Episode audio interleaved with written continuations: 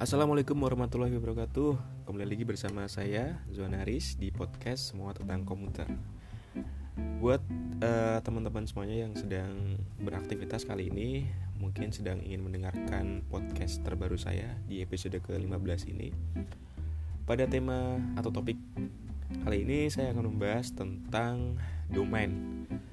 Domain atau uh, lebih terkenalnya apa ya alamat website ya lebih tepatnya itu jadi di sini saya akan mengulas tentang uh, lebih dalam tentang domain. Kemudian yang terutama nanti di country code domain atau CCTLD atau country code top level domain itu akan membahas tentang uh, syarat-syarat mengajukan atau mendaftarkan domain untuk identitas di negara Indonesia. Seperti halnya kita ingin membangun sebuah website perusahaan kita bisa menggunakan .co.id ya seperti itu. Nah kita lanjut saja ke apa ya istilah domain dulu. Jadi hmm, pertanyaannya adalah apa itu domain? Sebenarnya uh, sebelum saya menjelaskan secara detail ya mungkin mungkin teman-teman yang sudah tahu tentang domain mungkin yang mungkin baru tahu mendengar mungkin ya masih bingung antara domain dan hosting itu apa. Nah, di sini saya ingin membaginya tentang perbedaan domain dan hosting karena itu biasanya satu paket ya. Jadi perbedaannya apa sih domain dan hosting? Mungkin teman-teman yang saat ini di bidang IT mungkin lebih paham, tapi mungkin teman-teman yang mungkin di luar dari bidang IT mungkin pengen tahu nih domain itu apa. Jadi domain adalah nama unik yang diberikan untuk mengidentifikasi alamat uh, suatu alamat server atau IP address uh, seperti apa ya web server atau email server yang berada di internet. Nah, kenapa uh, muncul domain? Domain ini sebenarnya fungsinya mempermudah atau memberikan kemudahan bagi pengguna internet untuk uh, melakukan akses ke apa ya ke server yang ingin dikunjunginya uh, dibandingkan seorang apa ya uh, user atau mungkin teman-teman ingin mengunjungi satu situs uh, mungkin Facebook atau Instagram tapi tanpa tahu domain mungkin akan kesulitan karena harus menghafalkan alamat IP address dan itu uh, ya tidak semua orang bisa menghafal ya sangat susah sekali. Nah hal ini biasanya saya analogikan uh, mirip seperti kalau kita uh, menyimpan kontak nomor ponsel teman kita. Uh, sebelum kita punya sebelum kita mengas memberikan nama sebenarnya alamat seluler teman kita adalah nomor handphone itu yang 08 berapa berapa. Tapi ketika kita menyimpannya ke dalam kontak ketika kita ingin mencari nama si A si doi dan kita tinggal cari namanya kita nggak perlu uh, men, apa menghafal nomor nomor apa nomor handphonenya. Jadi ibaratnya konkretnya seperti seperti itu analoginya. Supaya mempermudah kita mencari atau mempermudah kita mengunjungi suatu situs, situs di alamat website dengan menggunakan nama domain. Dan nama domain ini unik karena tidak bisa sama dengan uh, alamat yang jadi alamat yang sudah tersedia. Alamat yang uh, artinya alamat ini tidak sama tidak memiliki nama yang sama. Jadi semuanya unik. Jadi ibaratnya saya punya blog namanya uh, nama domainnya zonaarispribadi.com tapi ada orang yang ingin mendaftarkan dengan nama, saya yohanarispribadi.com itu tentu saja tidak bisa karena itu sudah uh, terregistrasi ya atau sudah ready uh, ready taken atau sudah terdaftar sehingga tidak bisa dipakai. Bisa dipakai ketika nanti uh, alamat tersebut sudah expired atau sudah kadaluarsa dan itu akan uh, bisa dipakai lagi didaftarkan lagi. Nah mengenai domain ini domain ini memiliki beberapa level ya kalau kita lebih dalam tentang domain yang pertama adalah top level domain biasanya kalau kita melihat itu ada singkatannya TLD atau GTLD sebenarnya TLD adalah uh, deretan dari uh, kata belakang dari domain seperti kalau kita sudah mengenal domain ya TLD itu terdiri dari .com, .net, .org, .edu, .gov, .mil, .info dan lain-lain. Nah pada uh, kemudian mungkin teman-teman ada yang merasa bingung bagusnya pakai .com atau .net ya .org ya gitu. Uh, jadi begini sebenarnya domain .com itu uh, kepanjangan dari dot komersial. Jadi bisa dipakai dengan segala macam apa ya websitenya website anda. Mungkin toko online bisa pakai .com mungkin sebuah instansi juga bisa pakai .com. Kemudian .net .network. Nah biasanya dipakai oleh perusahaan-perusahaan di bidang teknologi ya seperti ISP, software house atau mungkin operator itu biasanya menggunakan .net. Kemudian .org atau .organization itu bisa biasanya dipakai untuk uh, yayasan atau sebuah lembaga yang nirlaba seperti itu organisasi mungkin ibaratnya komunitas itu juga bisa menggunakan .org. Kemudian .edu atau .education itu digunakan untuk uh, sebuah uh, website yang memiliki konten tentang pendidikan atau pembelajaran e-learning seperti itu. Kemudian egov.gov sorry .gov atau .government itu bisa digunakan untuk situs-situs yang dipakai oleh pemerintahan. Kemudian ada .mil atau military itu situs yang bisa yang biasanya domain tersebut dipakai untuk situs uh, informasi tentang uh, militer-militer gitu ya. Kemudian .info mungkin lebih uh, lebih ke website situs yang mungkin isinya hanya informasi yang sifatnya itu publik gitu ya .info dan macam-macam. Nah uh, dari top level domain itu sebenarnya terdiri dari dua dua level ya. Bukan dua level dua level dua macam atau dua jenis ya. Pertama uh, GTLD atau Global Top Level Domain atau CCTLD atau Country Code Top Level Domain disingkat jadi CCTLD. Nah, GL GTLD tersendiri eh, GTLD sendiri adalah uh, seperti yang tadi saya sampaikan di awal domainnya terdiri dari .com, .net, .edu, .org, org apa org, org, org ya dan uh, yang kedua adalah dengan jenisnya itu CCTLD atau Country Code Top Level Domain. Nah, CCTLD ini mungkin belum banyak yang tahu ya. Jadi sebenarnya CCTLD itu kepanjangan dari Country Code, Country Code atau kode kode negara. Jadi di Indonesia ini kita memiliki kode .id. Jadi kita bisa menggunakan co.id, net.id, or.id, web.id dan seterusnya yang berawal, yang berakhiran .id atau mungkin uh, negara tetangga kita yang di Malaysia di situ biasanya menggunakan com.mj net.mj kalau di Amerika com. Uh, apa ya? Amerika apa UK UK ya Amerika tuh com.us atau kalau kalau di, di United Kingdom itu co.uk com.uk seperti itu. Itu namanya uh, disebutnya sebuah top level apa country code top level domain atau CCTLD. Nah, yang kedua itu ada level yang namanya second level domain atau SLD. Second level domain ini kalau saya sebutnya sih lebih lebih umum sih biasanya dikatakan sebagai apa ya? sebagai nama nama nama sebuah uh, nama nama domainnya ya karena yang TLD tadi kan extensinya jadi misalnya mungkin uh, misalnya nama domain yang uh, teman-teman daftarkan adalah namanya domainku.com gitu kan. Nah nama domainku atau ya nama domainku tanpa .com itulah yang disebut dengan SLD atau apa SLD ya second level domainnya. Kemudian .com-nya itu yang disebut dengan TLD top level domainnya adalah .com SLD-nya adalah domainku tadi jadi uh, istilahnya macamnya ada itu. Second level domainnya ada nama domainku tadi nama, nama domainku dot domainku tanpa .com itu namanya SLD .comnya itu adalah TLD kemudian third level domain atau level ketiga domain itu adalah uh, kalau saya biasanya nyebutnya sub subdomain ya.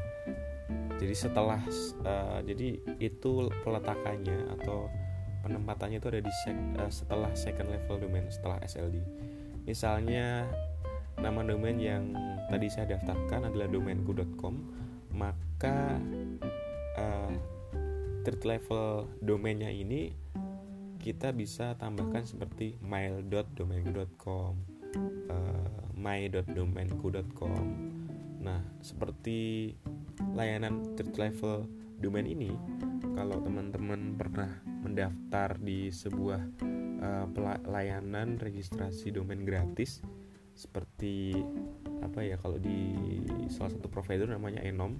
Enom itu menyediakan uh, third level domain seperti use.com, br.com, uh, .cn.com dan seterusnya. Dan itu gratis atau yang gratis itu seperti kalau dulu saya pernah mendaftar menggunakan .tk co.cc ya itu yang gratis gratis nah jadi itu untuk apa ya untuk penjelasan tentang domain. Jadi sebenarnya domain itu ya nama unik sebuah situs atau server eh sebuah nama unik untuk sebuah web server atau mail server. Kemudian kadang uh, ada yang masih bingung domain dan hosting. Sebenarnya domain hosting itu hostingnya itu yang apa sih gitu? Jadi sebenarnya hosting itu adalah uh, kalau kita sebutnya apa ya hosting sebenarnya adalah apa ya lebih tepatnya space hard disk kalau saya saya boleh katakan. Atau space hard disk di dalam sebuah server komputer. Tujuannya hosting adalah untuk menyimpan sebuah konten website file web atau database bisa juga email. Dan terutama dalam hosting ini banyak uh, spesifikasi ya secara khusus itu biasanya ditawarkan space atau kapasitas hosting, kemudian bandwidth atau kecepatan. Kecepatan uh, server itu bisa diakses oleh semua user. Kemudian bisa juga kalau zaman dulu, zaman dulu uh, pertama kali saya mengenal sebuah hosting itu biasanya ada jumlah database-nya kemudian aja ada add-on-nya domain jadi satu hosting bisa didaftarkan lebih dari satu domain. Kemudian jumlah akun email biasanya dibatasi karena paket-paket tertentu gitu kan. Nah kita bahas satu persatu. Uh, yang awal tadi adalah tentang space atau kapasitas hosting. Nah space ini adalah besarnya sebuah data yang bisa anda taruh di hosting. Jadi ukurannya ini kalau dulu ah zaman dulu ya gini zaman dulu saya melihat uh, provider provider hosting itu menyediakan mulai dari ukuran megabyte, gigabyte yang sekarang juga sudah mulai juga terabyte. Jadi dulu pertama kali masih ada hosting yang paket 10 MB, 20 MB, mungkin 300 MB ada ya, 300 MB, 500 MB. Nah sekarang sudah bergiga-giga ya. Mungkin paket min paling minimal mungkin 1 giga, 3 giga, 5 giga, 10 giga, mungkin sampai 1 tera. Ya itu yang di, yang ditawarkan. Nah untuk bisa menyesuaikan apa berapa sih kapasitas yang cocok buat website kita. Jadi ketika kita ingin membuat website, hosting mana yang lebih cocok. Nah, kita bisa tentukan kebutuhan kita berdasarkan file yang kita miliki. Jadi kalau kita sudah bikin website, kita lihat size-nya, kita pastikan website itu apakah ada sistem updating atau apa ya eh, pembaruan atau pembaruan konten setiap mungkin website artikel ya artikel yang mungkin setiap hari selalu memperbarui konten, mengupload gambar. Nah, kita harus bisa mengeskalasi kira-kira dalam satu tahun itu akan meningkat berapa, berapa persen. Nah, kita uh, bisa uh, menganalisa atau merencanakan web hosting itu bisa dipakai dalam waktu minimal satu tahun. Kemudian bandwidth, bandwidth ini atau besarnya sebuah kuota transfer data. Nah, biasanya untuk hosting ini transfer rate-nya ini dihitungnya per bulan. Nah, jadi ketika ada sebuah provider menawarkan uh, 1 terabyte transfer bandwidth transfer per month atau per bulan, artinya ketika transfer rate itu sebelum satu bulan mencapai 1 tera, maka akhirnya website itu sudah tidak bisa diakses karena kuota transfer sudah habis. Dan itu akan renewal lagi di bulan selanjutnya. Tapi rata-rata sih tidak sampai sampai segitu banyaknya ya. Tapi mungkin itu akan menjadi uh, kerasa bagi sebuah website yang memiliki traffic yang benar-benar trafficnya tinggi. Tentunya untuk masing-masing provider ini bandwidth bandwidth transfernya itu akan di reset nol atau dia akan mereset ulang lagi kapasitasnya setiap bulan sekali. Kemudian jumlah database. Sebenarnya kalau database ini pengaruhnya adalah ketika kita mengupload sebuah website dan website itu membutuhkan sebuah database itu cukup satu database itu bisa digunakan untuk uh, mengupload sebuah website tetapi juga kadang ada website yang memiliki lebih dari dua database. Artinya mungkin ada satu website di situ dan satu aplikasi dan jadi satu rumah atau satu hosting. Dan itu uh, mungkin bisa lebih dari satu database. Nah jumlah database ini perlu anda perhitungkan ketika berlangganan provider hosting. Kemudian uh, jumlah add-on domain. Jadi add-on domain ini adalah banyaknya domain yang lain yang bisa Anda tambahkan ke hosting. Jadi ibaratnya satu rumah tapi punya nama yang lebih dari satu. Jadi contohnya begini, saya punya pertama saya berlangganan hosting dengan add-on domainnya adalah jumlahnya tiga. Artinya saya bisa menambahkan domain lain ke situ dengan total maksimal adalah tiga. Contoh uh, pertama saya mendaftarkan domainku.com di, di, hosting tersebut kemudian uh, besoknya lagi saya ingin membuat website dengan nama na, dengan nama namaku.com nah namaku.com itu kita bisa arahkan ke hosting yang tadi sudah kita uh, punya yang memiliki layanan add-on domain yang maksimal 3 kemudian di situ kita tinggal setup add-onnya tinggal kita tambahkan. Kemudian kita tinggal pointing name servernya atau pointing DNS-nya ke arah hosting tersebut. Nah, nanti di situ kita akan punya directory sendiri dengan nama add-on domain tersebut. Jadi kita mengupload apa hosting khusus mm, namaku.com atau domain.com itu punya tempatnya sendiri atau folder sendiri-sendiri. Kemudian untuk jumlah akun email. Biasanya disediakan kalau Anda atau teman-teman butuh suatu akun email yang mungkin saat akun apa fasilitas email yang ingin diterapkan di sebuah hosting.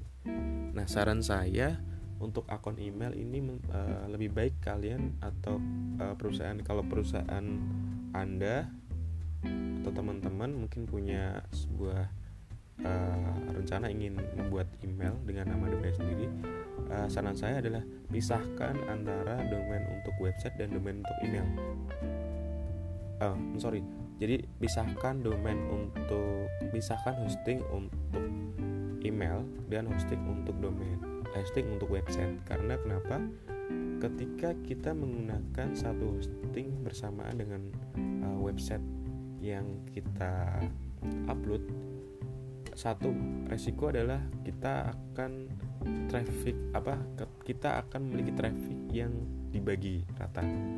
Jadi kuota email dan kuota hosting akan sharing. Jadi kalau hostingnya makin banyak, ya otomatis kuota di hostingnya itu juga berkurang dan email akunnya juga berkurang. Jumlahnya juga mungkin kalian bisa mendaftar di salah satu penyedia email, mungkin seperti Google Suite atau yang lebih uh, mungkin salah, salah satu penyedia provider email bisnis dan yang lain yang profesional. Dan itu menurut saya lebih stabil karena kita akan terhindar dari uh, apa ya blacklist atau uh, spam list ya seperti itu. Jadi kalau kita kirim email kalau kita email kita terinfeksi spam otomatis uh, tujuan yang tujuan kita tidak akan bisa menerima email yang kita kirim. Nah jadi menurut saya cukup cukup mumet dan jelimet ya domain dan hosting ini. Tapi kalau kalian pengen tahu tentang domain dan hosting kalian bisa kunjungi saja di website saya di blog oh iya satu lagi lupa. Jadi untuk CCTLD atau domain khusus de, uh, khusus country Indonesia atau CCTLD Indonesia ini memiliki kurang lebih ada 13 domain ekstensi.id ya. Salah satunya yang paling familiar dipakai sebuah perusahaan adalah co.id co.id ini untuk syarat pendaftarannya yang pasti ketika Anda mendaftarkan sebuah nama domain untuk perusahaan pastikan nama domain itu mirip atau akronim dari nama perusahaan Anda. Jadi contohnya PT Merdeka Jaya Sentosa mejada.co.id itu itu boleh. Tetapi kalau berbeda dengan nama domain berbeda dengan nama perusahaan nama domain berbeda dengan nama perusahaan itu akan membutuhkan syarat dokumen keterangan atau surat surat keterangan atau sertifikat merek seperti itu. Syarat lengkapnya untuk mendaftarkan domain.co.id yang perlu uh, teman-teman siapkan adalah satu yaitu uh, harus menggunakan dokumen SIUP apa surat izin usaha atau TDP tanda daftar perusahaan akta notaris atau NPWP atau surat izin usaha yang setara. Dan itu salah satu di antaranya tidak perlu semuanya. Jadi boleh siupnya siup TDP akta NPWP atau surat izin lainnya itu salah satu. Kemudian KTP atau paspor. KTP harus KTP atau paspor itu harus atas nama penanggung jawab penanggung jawab perusahaan tersebut.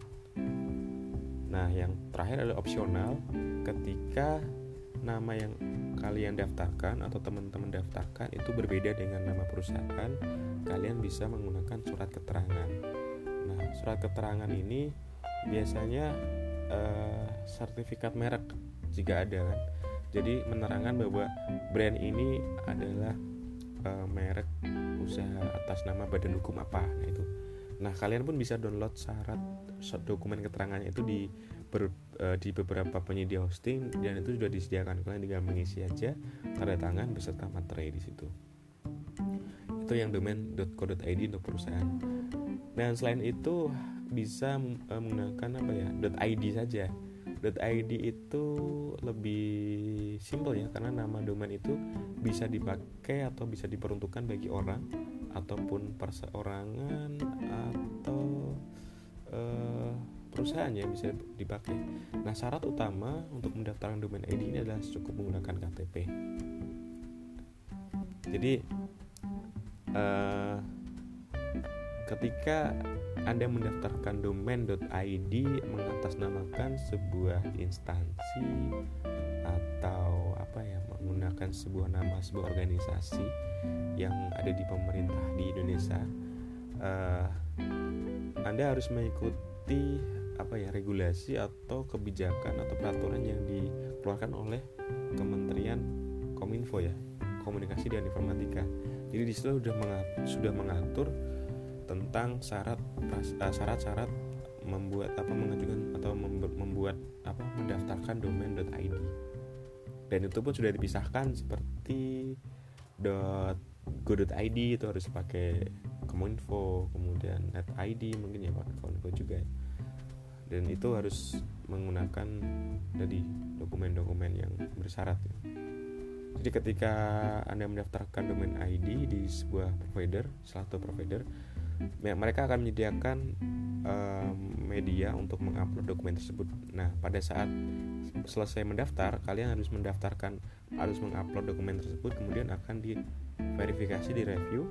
Jika sesuai dengan dokumen yang kalian lampirkan, domain akan aktif dan akan rilis. Jadi mau pakai domain .com atau .id kalian bisa tentukan sendiri kemudian mau pakai hosting atau web hosting yang bagaimana kalian bisa sesuaikan. Nah apabila teman-teman punya pertanyaan seputar domain dan hosting ini kepada saya kalian bisa kirimkan di email zonaris@gmail.com atau follow di Instagram saya di @zohanaris.com wah belibet banget nih ngomongnya. Kemudian kalau uh, di mana harus mendengarkan? Nah kalian bisa mendengarkan like di Spotify atau di halaman website saya di journalistpribadi.com di situ saya update setiap hari podcastnya dan cukup sampai di sini ya untuk podcast episode ke-15 ini. Terima kasih telah mendengarkan. Wassalamualaikum warahmatullahi wabarakatuh.